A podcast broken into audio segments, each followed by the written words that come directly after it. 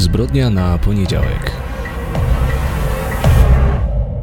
Czyta Wojciech Chmielarz.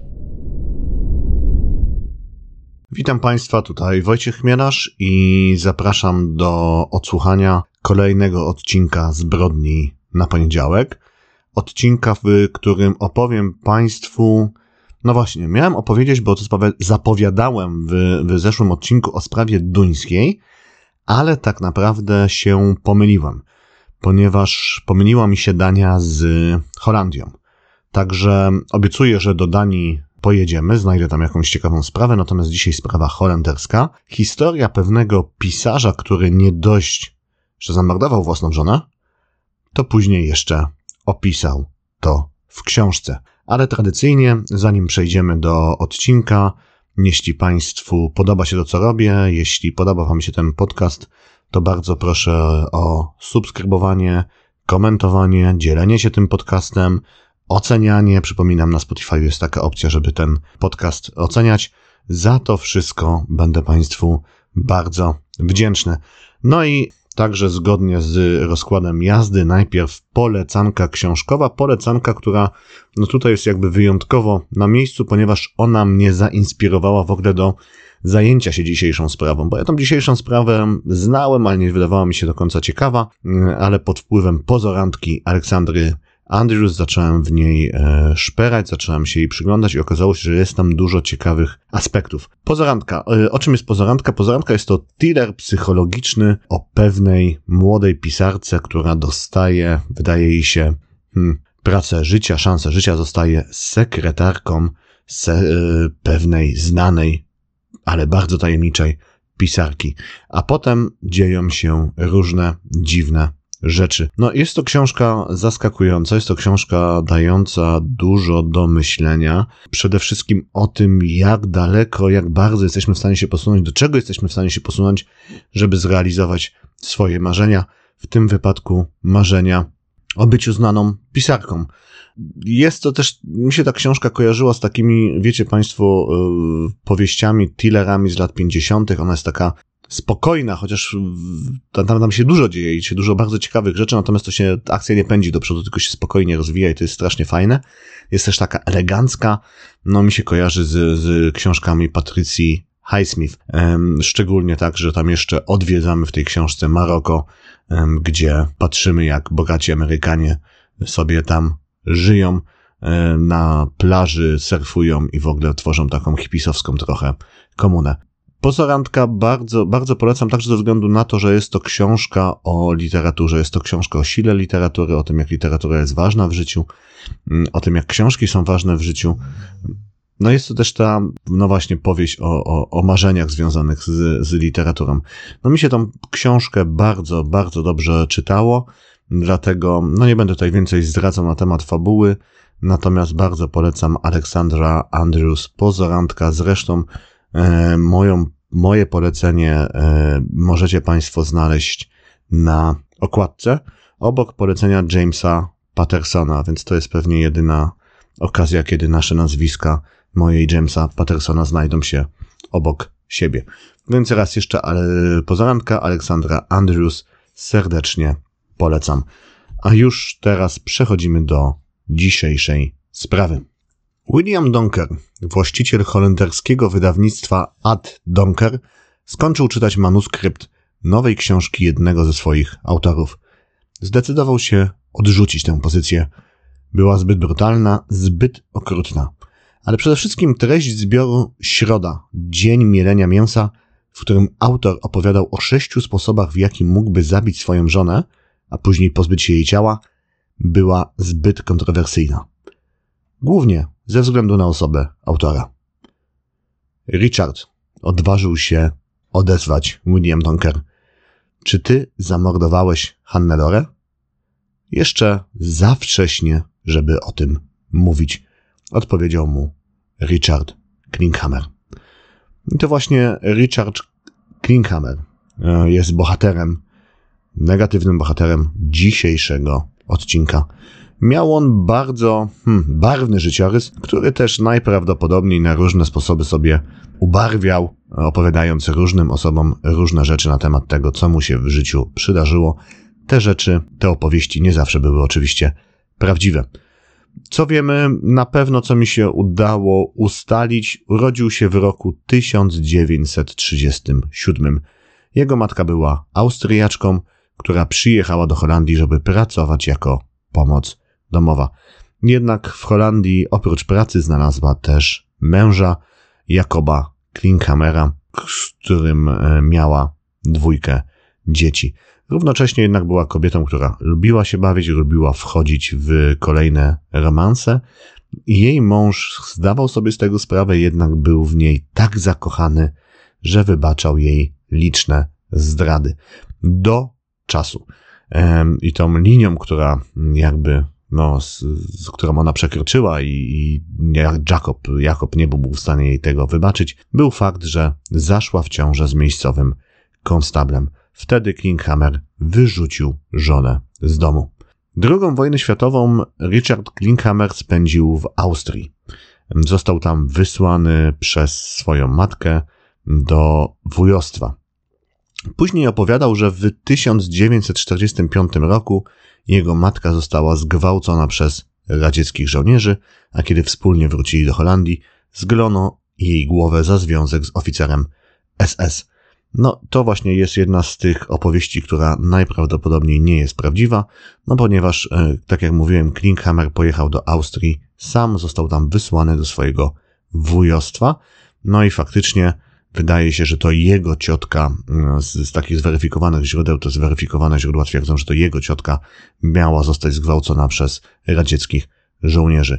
Natomiast wujek został pobity lub nawet zabity za to, jak traktował robotników przymusowych z Polski. W tym samym czasie, znaczy w czasie wojny, e, matka Klinghamera przebywała w Holandii. Jako Austriaczka nie miała problemów, żeby zaprzyjaźnić się z niemieckimi żołnierzami, którzy okupowali ten kraj, no co, jak się można domyślać, nie podobało się Holendrom. Po wojnie trafiła do więzienia, faktycznie ogolono ją jej tam za karę głowę. Po opuszczeniu więzienia zaczęła pracować jako prostytutka. Klinghammer natomiast wędrował od jednego sierocińca do drugiego. W pewnym momencie trafił do domu jakiejś swojej ciotki, ale chyba ze strony ojca, ale tam przebywał tylko przez kilka miesięcy, bo ta ciotka zmarła na jego oczach podczas posiłku. Tam chyba był jakiś y, udar czy, czy coś, coś takiego. Wreszcie matka Klinghamera poznała pewnego zamożnego szwajcarskiego biznesmena, biznesmena do nam żydowskiego pochodzenia. Oczywiście ukrywała przed nim swoją wojenną przeszłość, a Richarda przedstawiła mu jako swojego kuzyna. Potem, kiedy ten związek stawał się poważny, odesłała Richarda, no właśnie do kogo? Do Jakoba Klinghamera, czyli swojego byłego męża, który zdecydował się przyjąć chłopca i wychować go razem z dwoma e, swoimi synami, których miał właśnie z matką Richarda. Więc Richard wychowywał się razem ze swoimi braćmi, no i wtedy po raz pierwszy wszedł w konflikt z prawem. W ogóle wtedy właśnie od braci dowiedział się, że on akurat nie jest synem Jakoba Klinghamera, tylko jest synem jakiegoś tam konstabla. No na pewno e, jakoś to wpłynęło negatywnie oczywiście na jego psychikę. Jako dziewiętnastolatek zaciągnął się do Legii Cudzoziemskiej. W tamtym czasie ta formacja, przypominam, formacja francuska, gdzie, gdzie służą cudzoziemcy, brała udział w bardzo brutalnej wojnie w Algierii. To był taki konflikt pod koniec lat 50. i w latach 60.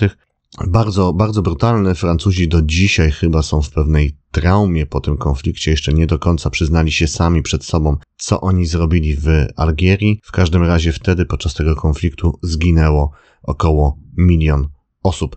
Więc bardzo krwawa, bardzo brutalna y, wojna i Klinghammer właśnie w Algierii wylądował. Później opowiadał, że w Legii Cudzoziemskiej nauczył się, czy w Legii Cudzoziemskiej uczą najpierw każdego dwóch rzeczy, znaczy jak zabijać i jak się pozbywać ciał.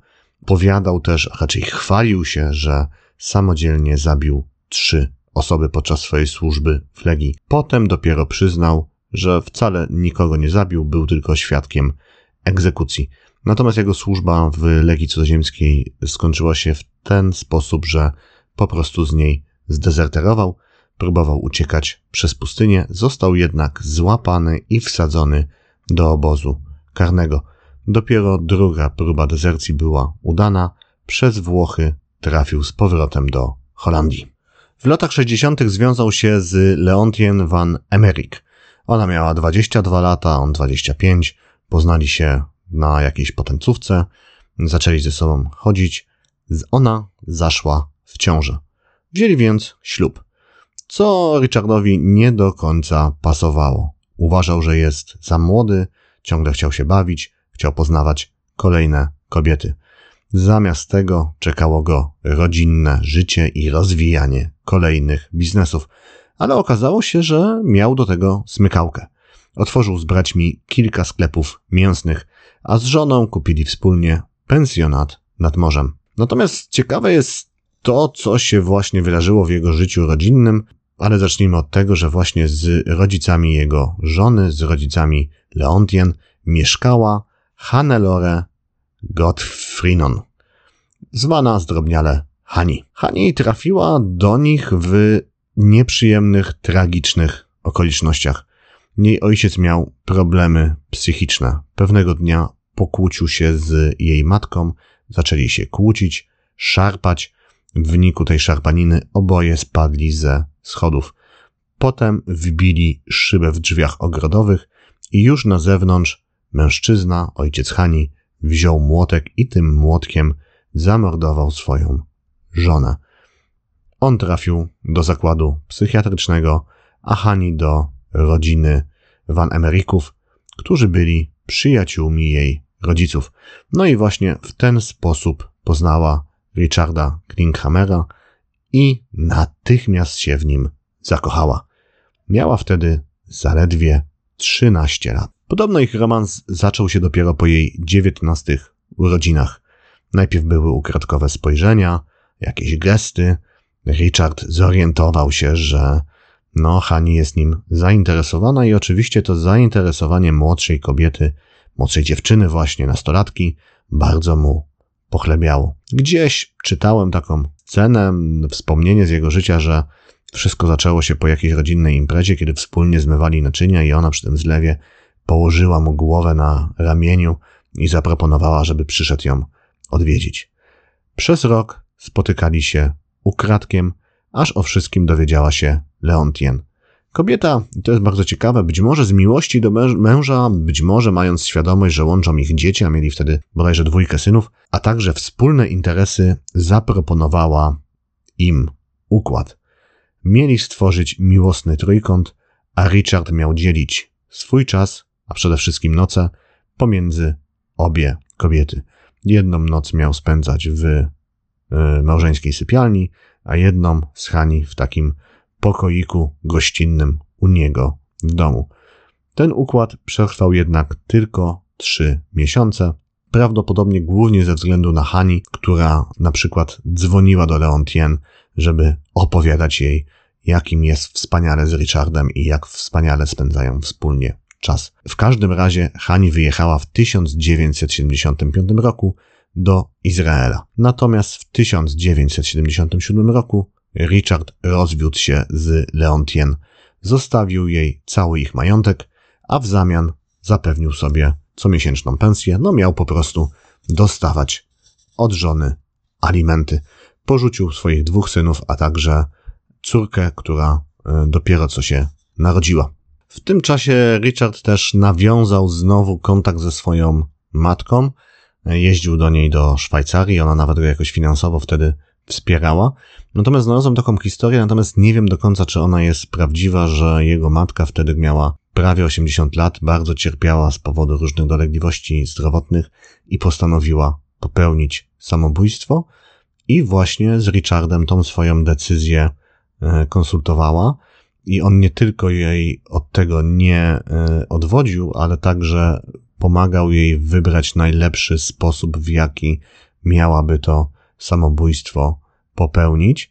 No i według tej opowieści ona popełniła samobójstwo w ten sposób, że położyła głowę na torach pociągowych, a Richard powiedział jej, że powinna się grubo ubrać do tego, ponieważ no, brzeg torów kolejowych niepociągowych kolejowych. Jest ostry, jest nieprzyjemny i powinna mieć coś, jakiś mocny, gruby kołnierz, żeby się nie poranić. No i w ten sposób jego matka miała popełnić samobójstwo. Richard uważał, że po prostu to była jej decyzja i on nie miał prawa jej odwodzić od tego. I teraz tak, czy ta historia jest prawdziwa? Nie do końca jestem pewien, więc tutaj robię to zastrzeżenie, że znalazłem ją tylko w jednym źródle. Dobra, to czego możemy być pewni to jest to, że właśnie Richard znowu związał się z Hani, która w międzyczasie zdążyła wrócić do Holandii. Kupili wspólnie dom w prowincji Groningen, wzięli ślub, opowiadał wszystkim, Richard opowiadał wszystkim, że ona jest miłością jego życia. No i w pewnym momencie w jakimś chyba wywiadzie powiedział, że do 40 roku życia nigdy nie był tak naprawdę szczęśliwy i dopiero związek z Hani uczynił go kimś, kto jest zadowolony z tego, jak się ułożyło jego, jego życie. Co jest ważne, ten dom Richard kupił Hani, on był jej własnością. Dlaczego to jest ważne? No to o tym opowiem później. Ale zapiszmy sobie w pamięci ten szczegół. E, Hani zatrudniła się jako pielęgniarka w szpitalu dziecięcym, natomiast Richard zaczął pisać. Sobie zbudował taką szopę ogrodową, w tej szopie ogrodowej miał e, swoje miejsce do pracy, swój taki gabinet, no i tam zaczął pisać książki, no i wkrótce wydał powieść Posłuszny jak pies, e, która, w której mocno opierał się na swoich przeżyciach z czasów służby w Legii Cudzoziemskiej.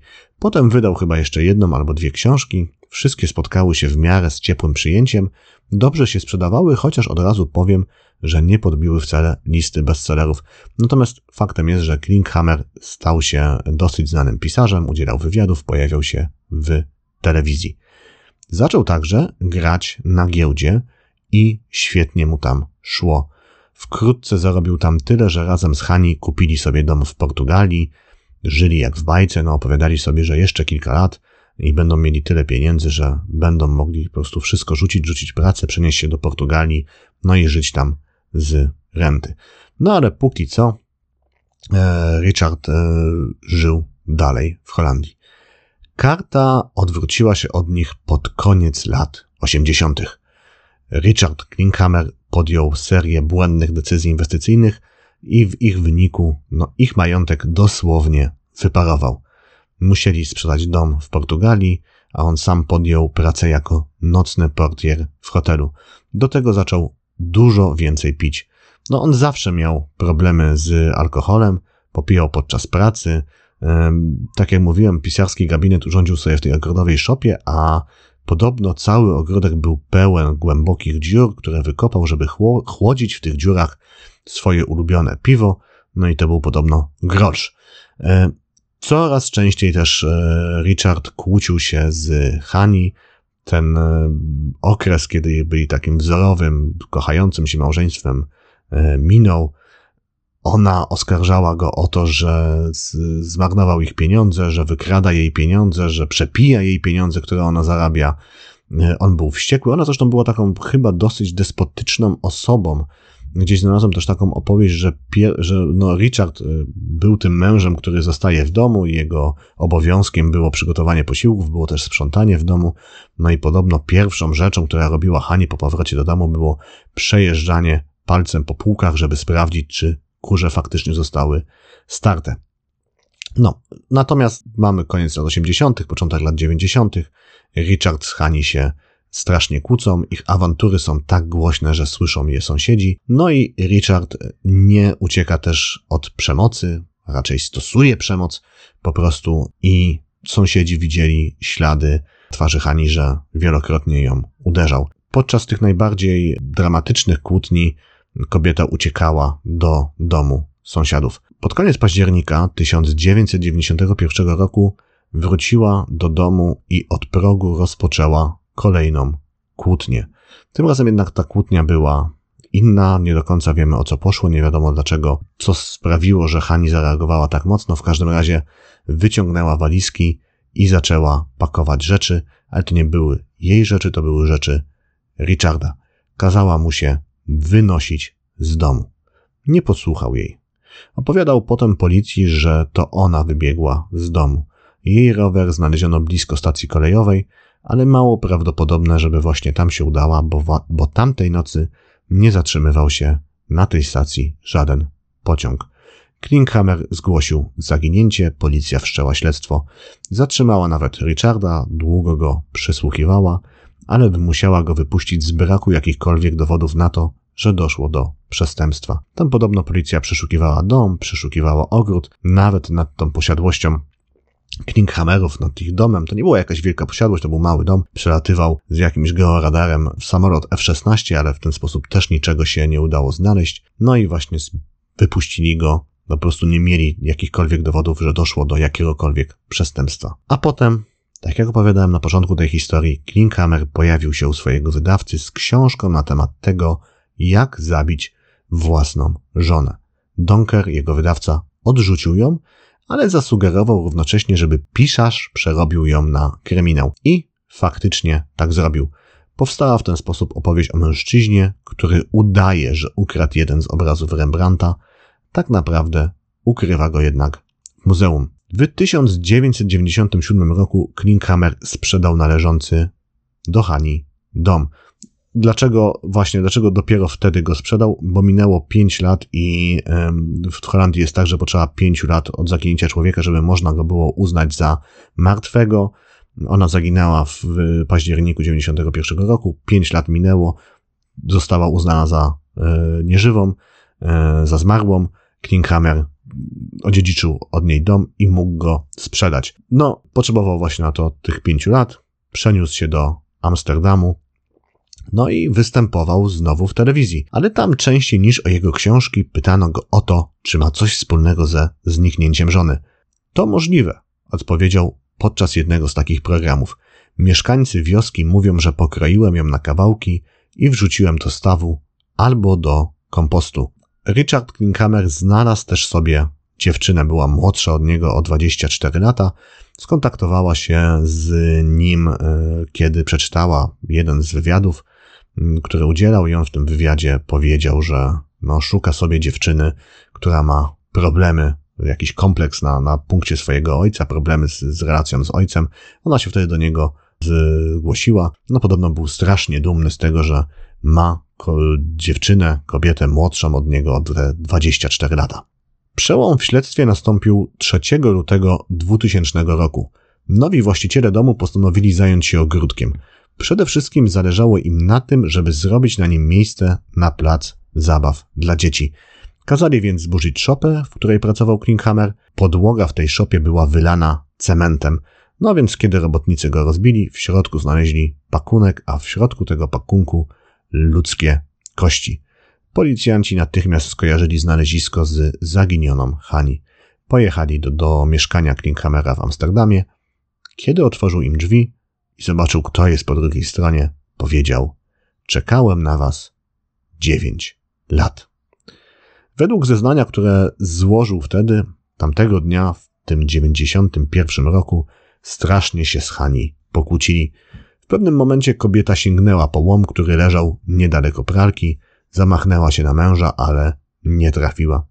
Chwilę się siłowali, Klinkhammerowi udało się jej odebrać łom i zaczął ją nim bić najczęściej po głowie. W ten sposób ją zabił. Klinkhammer został skazany na 7 lat więzienia. Jednak zakład karny opuścił już po trzech. I tutaj proszę mnie nie pytać, w jaki sposób jest to możliwe. Tak było. Za zabicie żony, za ukrycie jej ciała został skazany na zaledwie 7 lat. Wyszedł już po trzech.